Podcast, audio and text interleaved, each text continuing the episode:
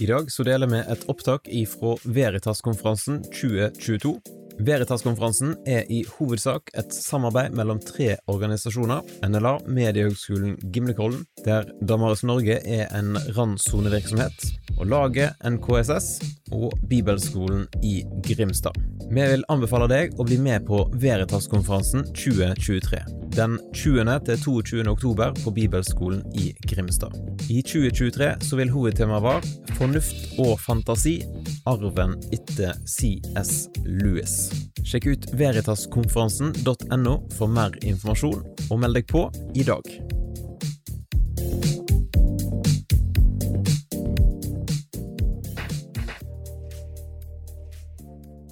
Well, thank you so much for coming, ladies and gentlemen. Um, this is my session on outgrowing God. Question mark. As I said in the earlier session, the question mark is important. Uh, uh, Dawkins, probably the world's most famous atheist, certainly within the uh, kind of English-speaking Anglophile world, uh, recently wrote a book called Outgrowing God. Uh, which has been kind of described as a junior version of his best selling book, uh, The God Delusion.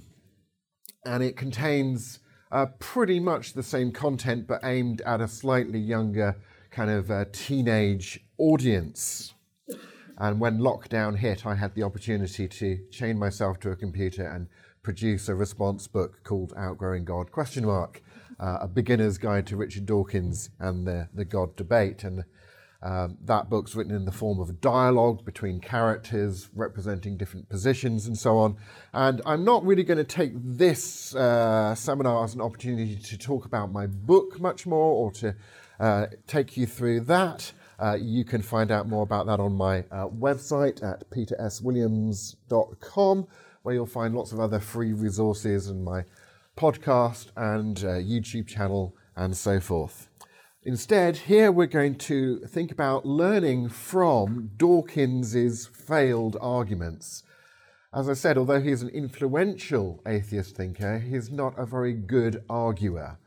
Uh, and I want to kind of illustrate uh, some bad ways of arguing from uh, Dawkins's work uh, as a way of saying that uh, we, as Christians, when we're communicating and arguing with people, uh, need to uh, avoid using bad ways, fallacious ways of arguing, uh, and to be good arguers, and also to actually communicate with people about how to be a good arguer.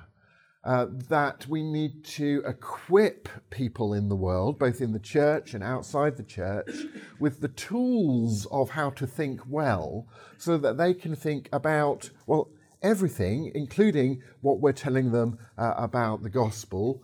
Uh, well, one of the things that really annoys me about Dawkins' book, uh, the Outgrowing God book in particular, is he kind of says to the audience reading it, um, don't just believe what you've grown up with, what you've been told by authority figures. I want to, to encourage you to kind of ask, what's the evidence? Not just to take things on authority. Think about it for yourself. And as a Christian philosopher, I want to say amen to that message. But then what Dawkins does in his book is he asserts, makes lots of claims without actually giving any evidence for those claims, without even giving footnotes to references for those claims. Uh, and he doesn't uh, give people the tools to be able to carry through his advice, as it were. And one of the things that I do in, in my book is I have the, the, uh, the, the, philosophy professor who's kind of convened the book club. Uh, she's there just to play a kind of neutral role, but to describe as we go through uh, some of the logical fallacies, bad ways of arguing that Dawkins falls into, as a way of teaching the readers about how arguments should work and how they can go wrong, so that they have the tools to actually hold me and what I'm saying in the book, as it were, to account, but also atheist authors that they read to hold them to account for whether or not they're arguing well.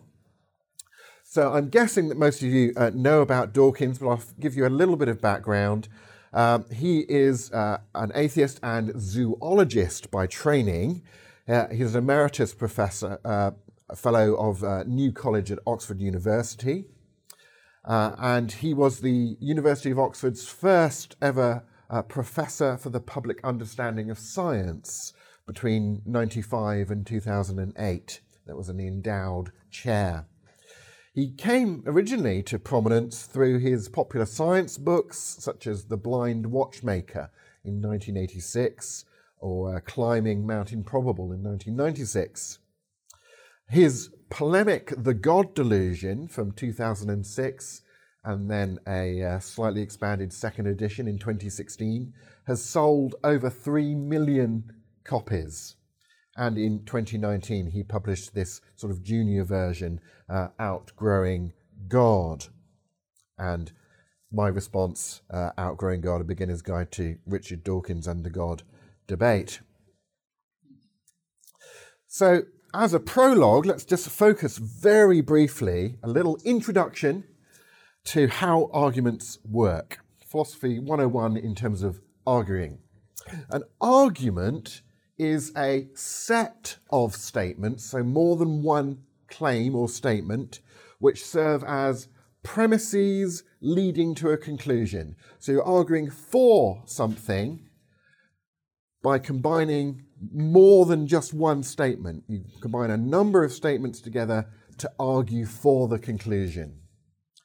For example, premise one we should reject arguments that commit logical fallacies, that is, unsound ways of arguing. Premise two Dawkins's arguments against belief in God commit logical fallacies.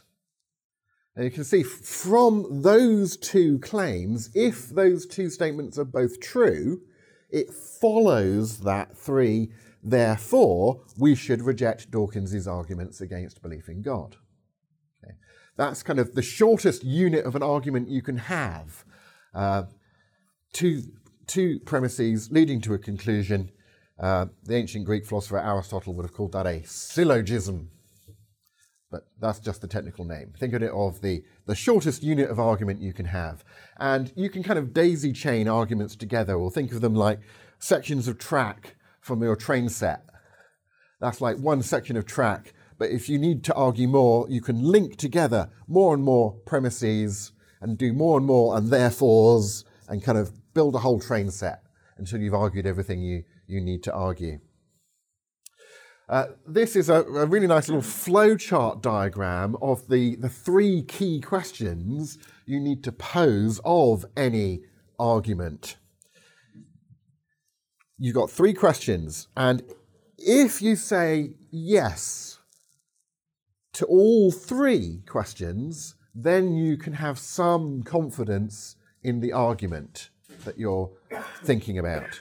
If at any stage you say probably no, then don't have any confidence in the argument because in, in argumentation, everything has to go right for the argument to work. But if just one kind of thing goes wrong, then the argument doesn't work. So these questions are are, are the premises clear and unambiguous? And I'll illustrate these in a moment. But do you know what it's claiming? And does it do it in an unambiguous way? Does the conclusion of the argument really follow from the premises? And are all of the premises in the argument true? If yes, yes, yes, then okay, that argument at least has some weight to it that I need to take into account. If no at any stage, then chuck it out. Let me illustrate those three key questions.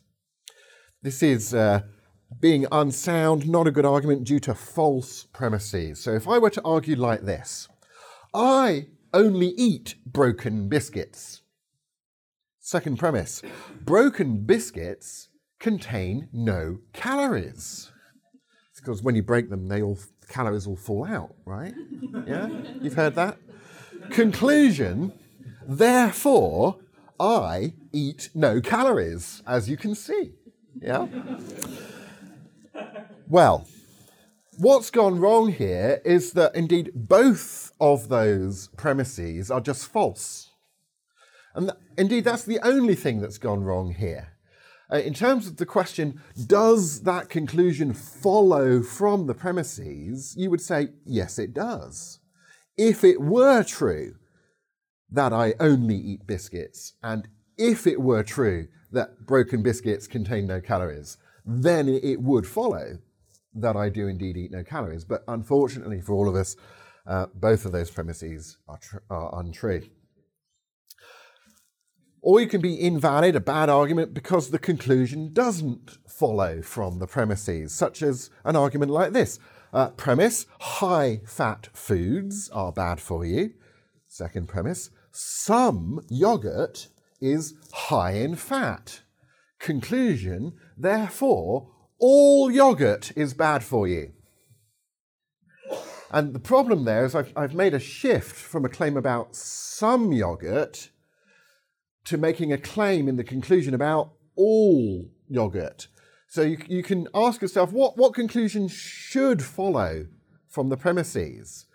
Obviously, it's high fat foods are bad for you, some yogurt's high in fat, therefore, some yogurt is bad for you in, in that sense. But it, so there's a difference between what should follow and what's actually been stated as the conclusion, and that means it's invalid because the conclusion doesn't follow. And finally, uh, that issue of ambiguity.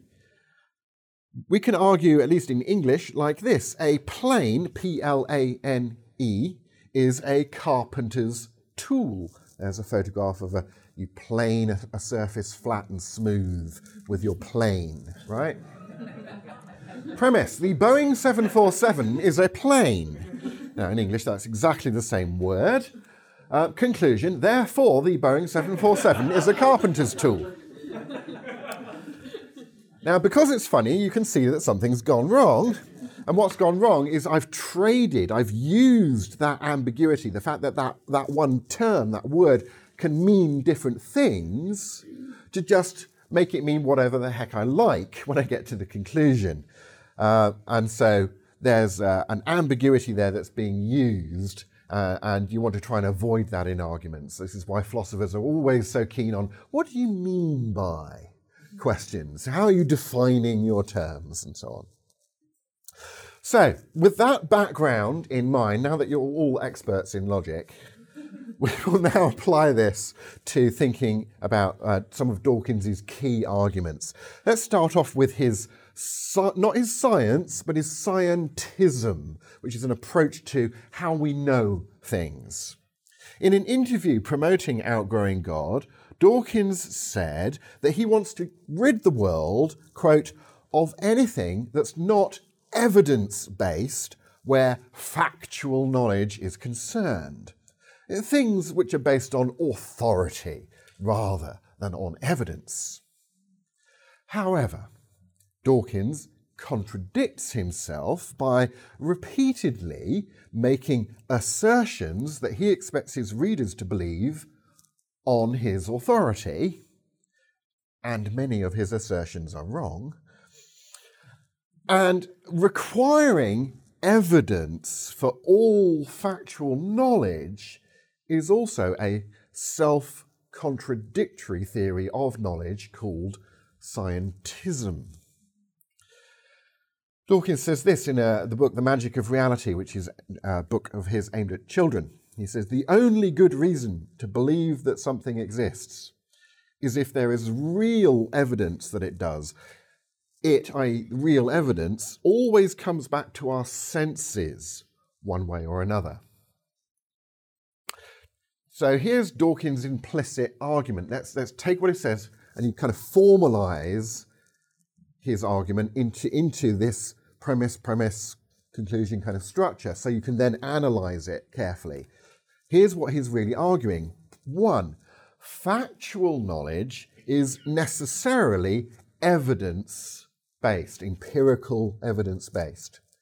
Two, religious claims are never evidence based. Therefore, no religious claim counts as factual knowledge.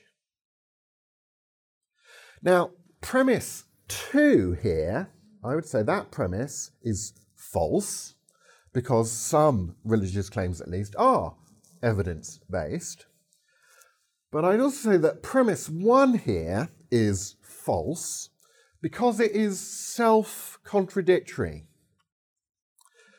This scientific demand that factual knowledge must be based upon empirical, kind of scientific evidence is self contradictory because, first of all, that demand can't be justified by empirical evidence. And secondly, that demand actually entails an infinite regress that can't be satisfied. If you want to say, I'm not going to believe A until I've got empirical evidence that it's true. Well, let's call the empirical evidence that this is true B. But why should I believe that B really is empirical evidence that supports A rather than, uh, you know, an illusion or evidence that actually is irrelevant to the status, factual status of, of A?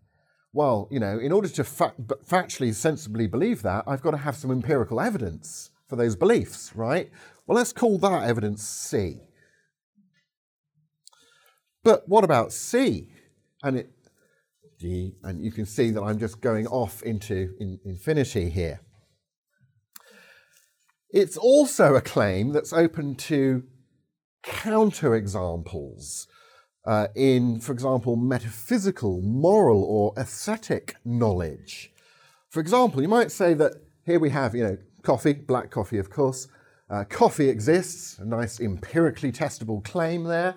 Uh, this is empirical knowledge. But what about claims like, my pleasure in drinking coffee exists? You just have to believe my self report, don't you? Um, what about claims like, enjoying coffee is good? Or, this is a beautiful cup of coffee.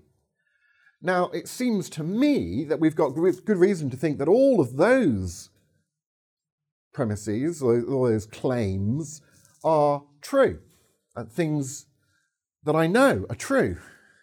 But they're not things that are known through this kind of give me empirical evidence of it. Let's think about biological design. Unsurprisingly, as a zoologist a teacher of evolutionary biology, Dawkins engages a lot with the issue about uh, does the natural world really give us evidence of design, or is that merely an appearance of design? Indeed, Dawkins says uh, in his book, The Blind Watchmaker, that biology is the study of complicated things that give the appearance of having been designed for a purpose. It's just that for him, that appearance is misleading. But he grants from the start that it that's the way it appears, that's the way it looks, at least at first glance.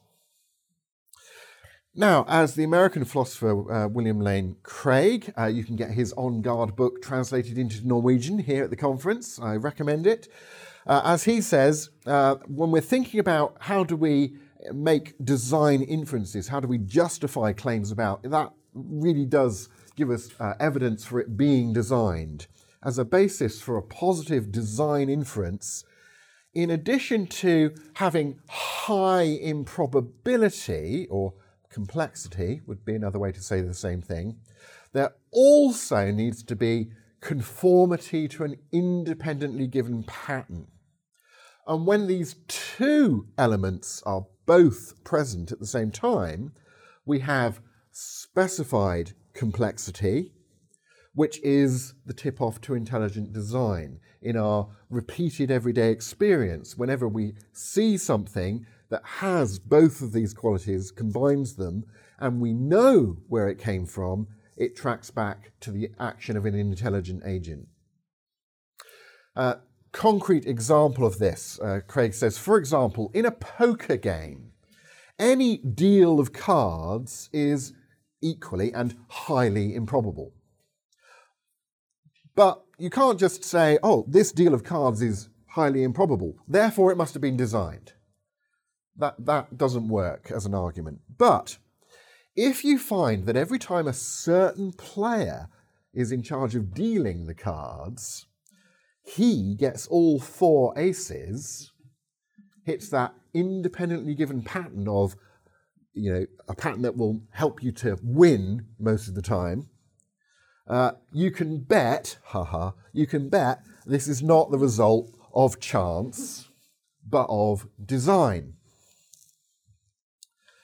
Indeed, this is what Dawkins has to say about specified complexity. He says, You and I are machines of complexity of a magnitude to challenge credulity.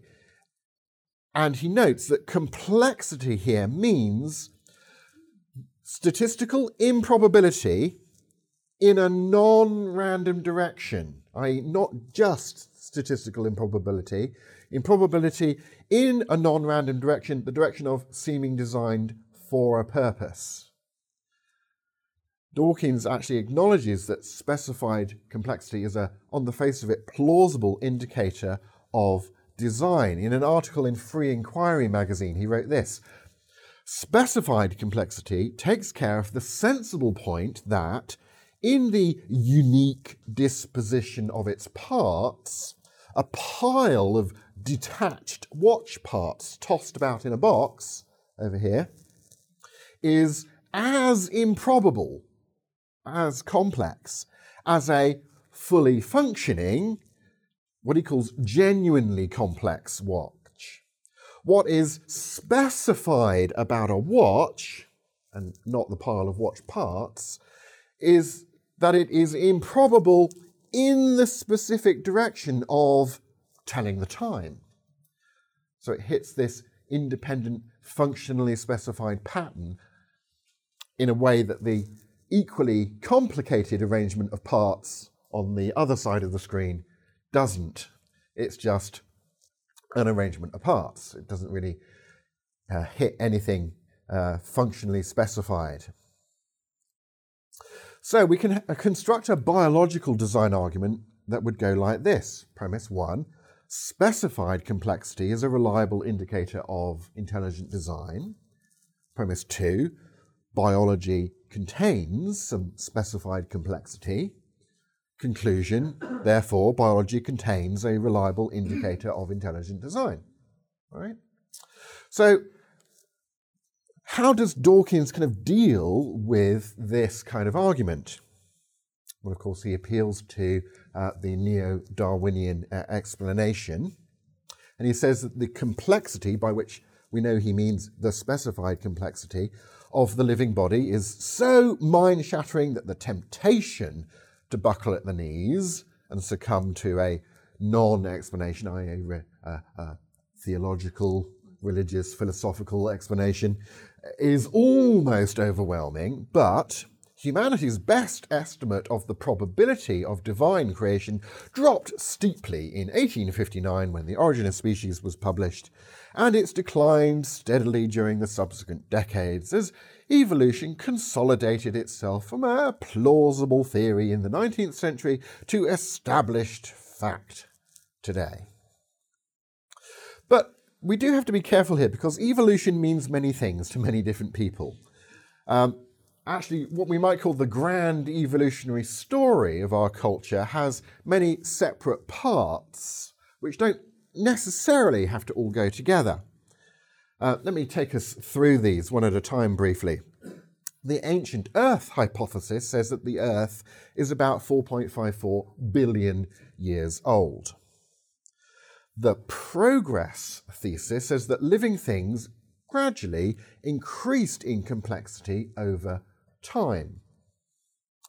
The common ancestry hypothesis says that contemporary organisms are all descended from simpler ancestral organisms. The universal common ancestry hypothesis says that all living things descended from one original primordial organism. The neo Darwinian, or what's uh, I think very helpful to call the blind watchmaker, to borrow that from Dawkins' hypothesis, says that evolution happens through natural processes requiring no non material, purposeful guidance.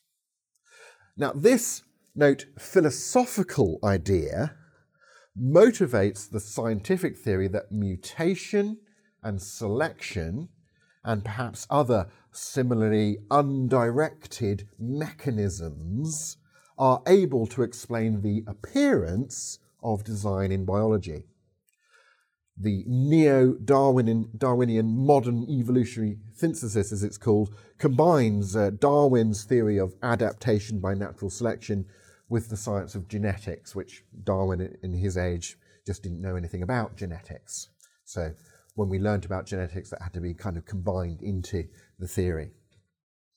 Now, there is a discussion today between adherents of the, the modern evolutionary synthesis and of a so called extended evolutionary synthesis. I, having, I have trouble with the word synthesis because of my lisp who uh, advocate uh, additional explanations of evolution, but w- explanations that are still framed in terms of an unguided, unplanned process of physical chance and or necessity. In other words, blind watchmaker Darwinism remains the, the cornerstone of modern evolutionary theory. And finally, the naturalistic origins hypothesis says that life arose from non life by an unplanned and unguided physical process. Now, I've arranged these helpfully in what many people, including myself, would consider an order of the most probably true to the least probably true. Uh, one can accept and reject evolution in different senses once you've started making these distinctions. For example, Charles Darwin's own theory of evolution by natural selection was the parts in orange.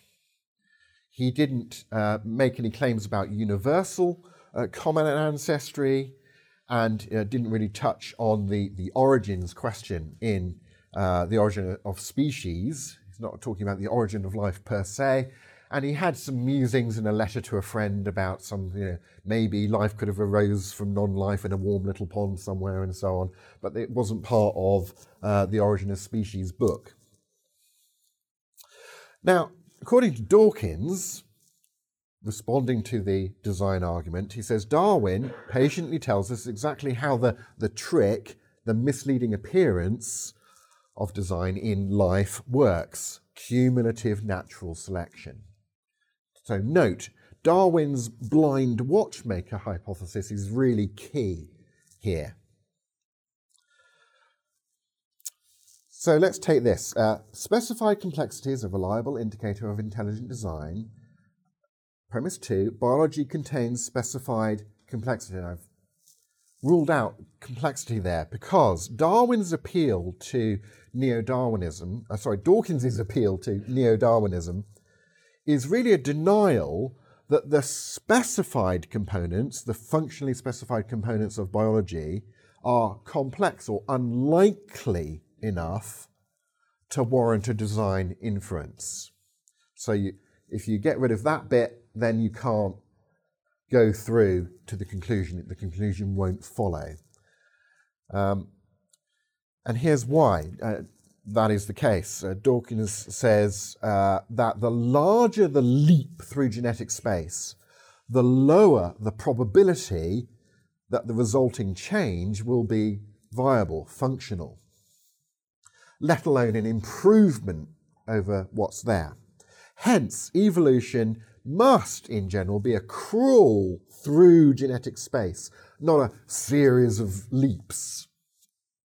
And Dawkins likens this gradual approach to getting biological specified complexity to Climbing Mount Improbable, the title of one of his other famous books.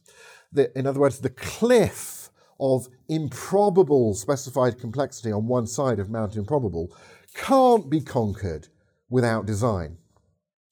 But, says Dawkins, around the back side of Mount Improbable, supposedly, there is a series of individually and jointly not too unlikely steps leading up to the summit. And if, if that is true, then the design argument uh, won't get off its feet. Now, Dawkins asserts that although we've no idea what gradual, not too unlikely pathway organisms took up Mount Improbable, they must have done so. He says, uh, quote, however daunting the sheer cliffs that the adaptive mountain first presents, graded ramps can be found the other side and the peak eventually scaled. How does Dawkins know that these graded ramps can be found without having found them? He says, without stirring from our chair, we can see that it must be so, because nothing except gradual accumulation could, in principle, do the job. Hmm, what job's that? Oh, the job of explaining the apparent designedness of life without appealing to actual design. Right? This is an uh, assumed gradual route. Clearly, uh, gradual accumulation is not the only possible explanation, which therefore must be true, because Dawkins is presenting the blind watchmaker explanation thesis as an alternative to genuine actual design. In other words, Dawkins begs the question. That's the technical phrase here. He begs the question in favor of evolution in the senses that we've talked about and against design. He says there cannot have been intermediate stages in this gradual accumulation of complexity that were not beneficial. There's got to be a series of advantages all the way that you can select. If you can't think of one, then that's your problem, not natural selection's problem.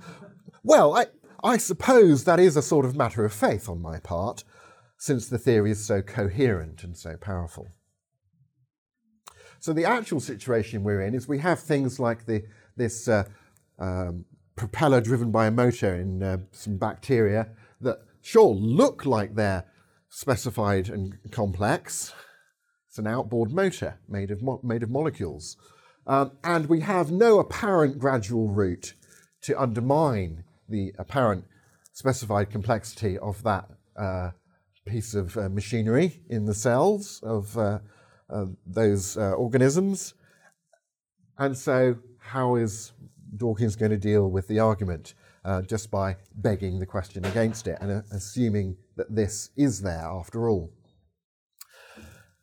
As the Nobel Prize winning theoretical physicist Brian Josephson writes, in books such as The Blind Watchmaker, a crucial part of the argument concerns whether there exists a continuous path leading from the origins of life to man, each step of which is both favoured by natural selection and small enough, not unlikely, not too unlikely, to have happened by chance.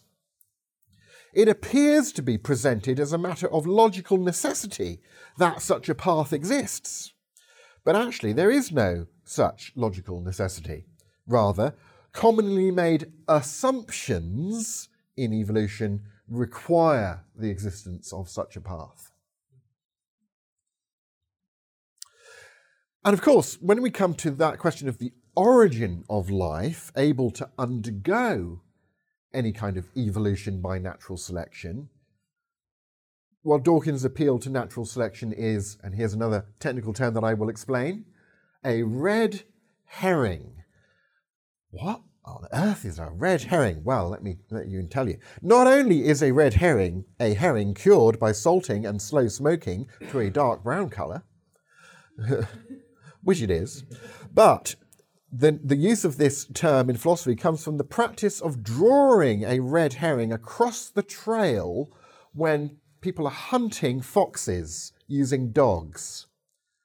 So the dogs are like, where's, where's the fox gone? Find the fox. And people who want to disrupt the hunt mislead the dogs off the trail of the fox that they're meant to be pursuing, drag these smelly red fish across, and the dogs go, Ooh, that's interesting, and they, they go off in the wrong direction. and so the fox is saved. So it's a red herring, it's a kind of uh, irrelevant to what you're actually meant to be doing. As the atheist philosopher of science Bradley Monton writes in his book Seeking God in Science, Darwinian evolution only comes into play once life already exists. Darwinian evolution doesn't explain, or even purport to, claim to explain, how life came to arise in the first place. Or as the atheist Thomas Nagel, another uh, atheist philosopher from the States, uh, says in his uh, uh essay on Dawkins and atheism, he says, The origin of life remains a mystery, an event to which no significant probability can be assigned on the basis of what we know of the laws of physics and chemistry. Then there is not only an appearance of design in the biological world, but in the, the world studied by cosmologists and the, the cosmos at large. This is something you may have heard of called cosmic fine tuning. As Dawkins explains, the laws and constants of physics are fine tuned in such a way as to set up the conditions under which humans and their brains will come into existence. Fine tuned in such a way this is again specified complexity, you see. As physicist Lee Smolin has calculated that the odds of life compatible numbers coming up in this fine tuning of the cosmos just by chance, he calculates them at one chance in 10 to the power of 229. Uh, if you're not used to thinking about numbers in powers of, quick illustration, if you were to ask basically how many fundamental particles, physical particles, are there calculated to be in the observable universe, that number is expressed as 10 to the power of 80, 80, 80. So 1 in 10 to the 229 uh, is a lot bigger. So this is beyond astronomical odds, literally, right? So, yes, talking about fine tuned complexity, one chance in 10 to the 229, let's just take that number, in such a way as to be uh, allowing life, and indeed not only life, but basically anything complex and interesting, like you know, chemistry, uh, to exist. So we seem to have a fine tuning argument from specified complexity that fine tuning of the universe exhibits specified complexity. Again, things exhibiting specified complexity are probably designed, therefore, the fine tuning of the universe was probably designed. Now, the objection that Dawkins appeals to here is something called uh, the multiverse, the multiverse objection to the fine tuning argument. He says, look, there are billions of universes having different laws and constants. It's a bit like when we suspect the, the person who gets all four aces when they deal and we accuse them of cheating, they say, oh, yeah, but there are lots of poker games happening, right? So actually, it's not too unlikely in that one of those poker games, someone's going to keep getting all four aces. That's the kind of move here. There are billions of universes with different laws and constants.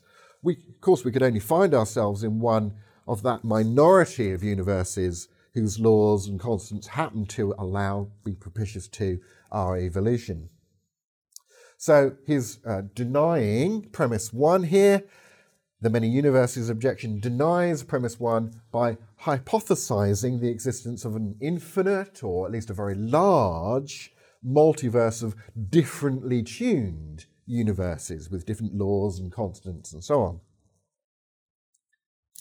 Now, a lot could be said about the multiverse hypothesis, and in my Outgrowing God book, when they discuss that, there are 11 different objections uh, to it that they discuss through.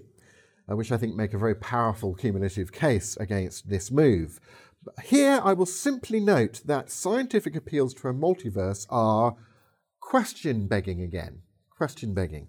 Because they assume the existence of a finely tuned universe generating mechanism. As the agnostic philosopher, uh, cosmologist Paul Davies writes, multiverse theories merely shift the problem up a level from universe to multiverse. There has to be a, what turns out to be finely tuned, universe generating mechanism. The multiverse theory cannot, therefore, provide a complete and final explanation of why the universe is fit to life. If there's something that means there are lots of different universes being produced, why are they not all the same, identical, life prohibiting universe? Why are they all different? Why does the range of differences that those universes can exhibit, why is it included within that range of possibilities the possibility of being life permitting? Rather than you have a, a you know, lots of different universes, none of which are possibly life permitting. Why is that? Well, you end up needing a finely tuned generating mechanism uh, that allows for the production of universes that are life permitting. Dawkins then turns to uh, a, a, metaphysical, a more kind of philosophical attempt to rebut the, the design from fine tuning argument. And this uh, will be our kind of last topic. He says the designer himself, in order to be capable of designing, would have to be another complex, I specif- specified complex entity of the kind that, in his turn, needs the same kind of explanation. In other words, kind of, well, yeah, but who designed the designer? right? Well, he has kind of two different uh, approaches to defending this metaphysical rebuttal. He says, first of all, if you're trying to explain something improbable, it can never suffice to invoke an entity that is in itself at least as improbable, if not more improbable, because it says that's not an improvement. Mm. Do we make an explanatory advance if we explain this complex self portrait in terms of the existence of the yet more complex Edvard Munch? Yes. Uh, I rest my case. Moving on. Dawkins thinks he is arguing that we should reject explanations that are more complex than the data they explain. But Dawkins is more complex than his argument. So, by his own rule of explanation here, he shouldn't believe that he is arguing for his rule of explanation. This is another example of self contradiction. It's kind of the, the very idea undermines itself. A second avenue of defense Dawkins says that critics of my book tried to deny that a God capable of designing something complex must himself be complex. But, okay, why think that God must be complex in the right design indicating sense? Well, Dawkins says God's got to be clever enough to calculate the exact values of the physical constants and so on, you call that simple? God has to have enough bandwidth to listen to the prayers of billions of people simultaneously. The one thing God cannot be is simple. well, in a discussion with uh, the agnostic philosopher Sir Anthony Kenny, uh, Kenny uh, proposed this philosophical distinction to Dawkins. He distinguished complexity of structure like you see in biology, from complexity of function. And I've illustrated it here with uh, an electric razor and a cutthroat razor. Uh, because Kenny said, look, the electric razor can only cut a beard. Uh, but the cutthroat razor might also be used to cut a throat, etc. In other words, the, the much more complicated electric razor, I suppose you could use it as a paperweight. You can think of some uses for it. But the much simpler cutthroat razor would seem to have lots more things that it can actually do. Use it as a letter opener, use it to cut your food up with, etc. You know, cut your hair and, and so on. So the simpler cutthroat razor has a lot more complexity of function than the more complex electric razor. Demonstrating, therefore, demonstrating complexity of function doesn't demonstrate complexity of structure. Right? So, why think God must be complex rather than simple? This stuff about God has to, he has to calculate, he has to listen, he has to do these things. But that's function. And demonstrating complexity of function doesn't demonstrate complexity of structure, as if you're treating God as a complex contingent arrangement of parts that just happen to have been put into the right arrangement of parts to achieve those functions, like that outboard molecular motor that I showed you. Dawkins' response to Kenny was to say, I really don't see what you're saying. Well, as the atheist Thomas Nagel, to quote him again, says, God is not a complex physical inhabitant of the natural world. God can't be complex in the sense of being an unlikely, complex, contingent arrangement of parts, achieving a certain functional specification if God is, say, a necessarily existent being. So again, Dawkins is begging the question against God being a necessary being rather than a contingent being, as traditional theology conceives God as a necessary being. So, none of Dawkins's observations is an argument showing that God must be complex and not simple in the relevant sense. Dawkins equivocates, moves between the two meanings of terms complex and simple in order to, to beg the question against God being a simple, necessary being. As uh, I think it was John Lennox put it, uh, a book called The Created God Delusion wouldn't have sold so well. so, in conclusion, Dawkins' scientism, that theory of knowledge, that knowledge always has to be about empirical observation and so on, is self contradictory. Empirical observation is great as a way of knowing the right, the appropriate kind of things, but there's got to be more to knowing about things than just that empirical way of knowing. Dawkins begs the question against the organic design argument and his argument from ignorance against the organic design argument is, a, is a, also a red herring. It's irrelevant with respect to the origin of life. Uh, Dawkins' response to the fine tuning design argument begs the question. Dawkins' arguments against complex explanations is self contradictory, and Dawkins equivocates between complexity of function and of structure. And Dawkins begs the question against God being a necessary being. So you'll see in the highlighted orange, we've got arguments that, are self, that have a self contradiction in them, that beg the question, that are red herring, that are, are, are about irrelevant things, and equivocation, uh, using ambiguity uh, in order to get to your point. And those are just four fallacious, bad ways to argue. And I think it behoves us as Christians, when we're communicating and doing apologetics and so on, A, to be better at arguing than those who critique us, and B, to actually equip people both within the church and outside of the church with the tools of thinking, with an understanding of how arguments should work and how they can go wrong, eh, as a way of saying, You hold me to account against you know, these standards of, of truth telling.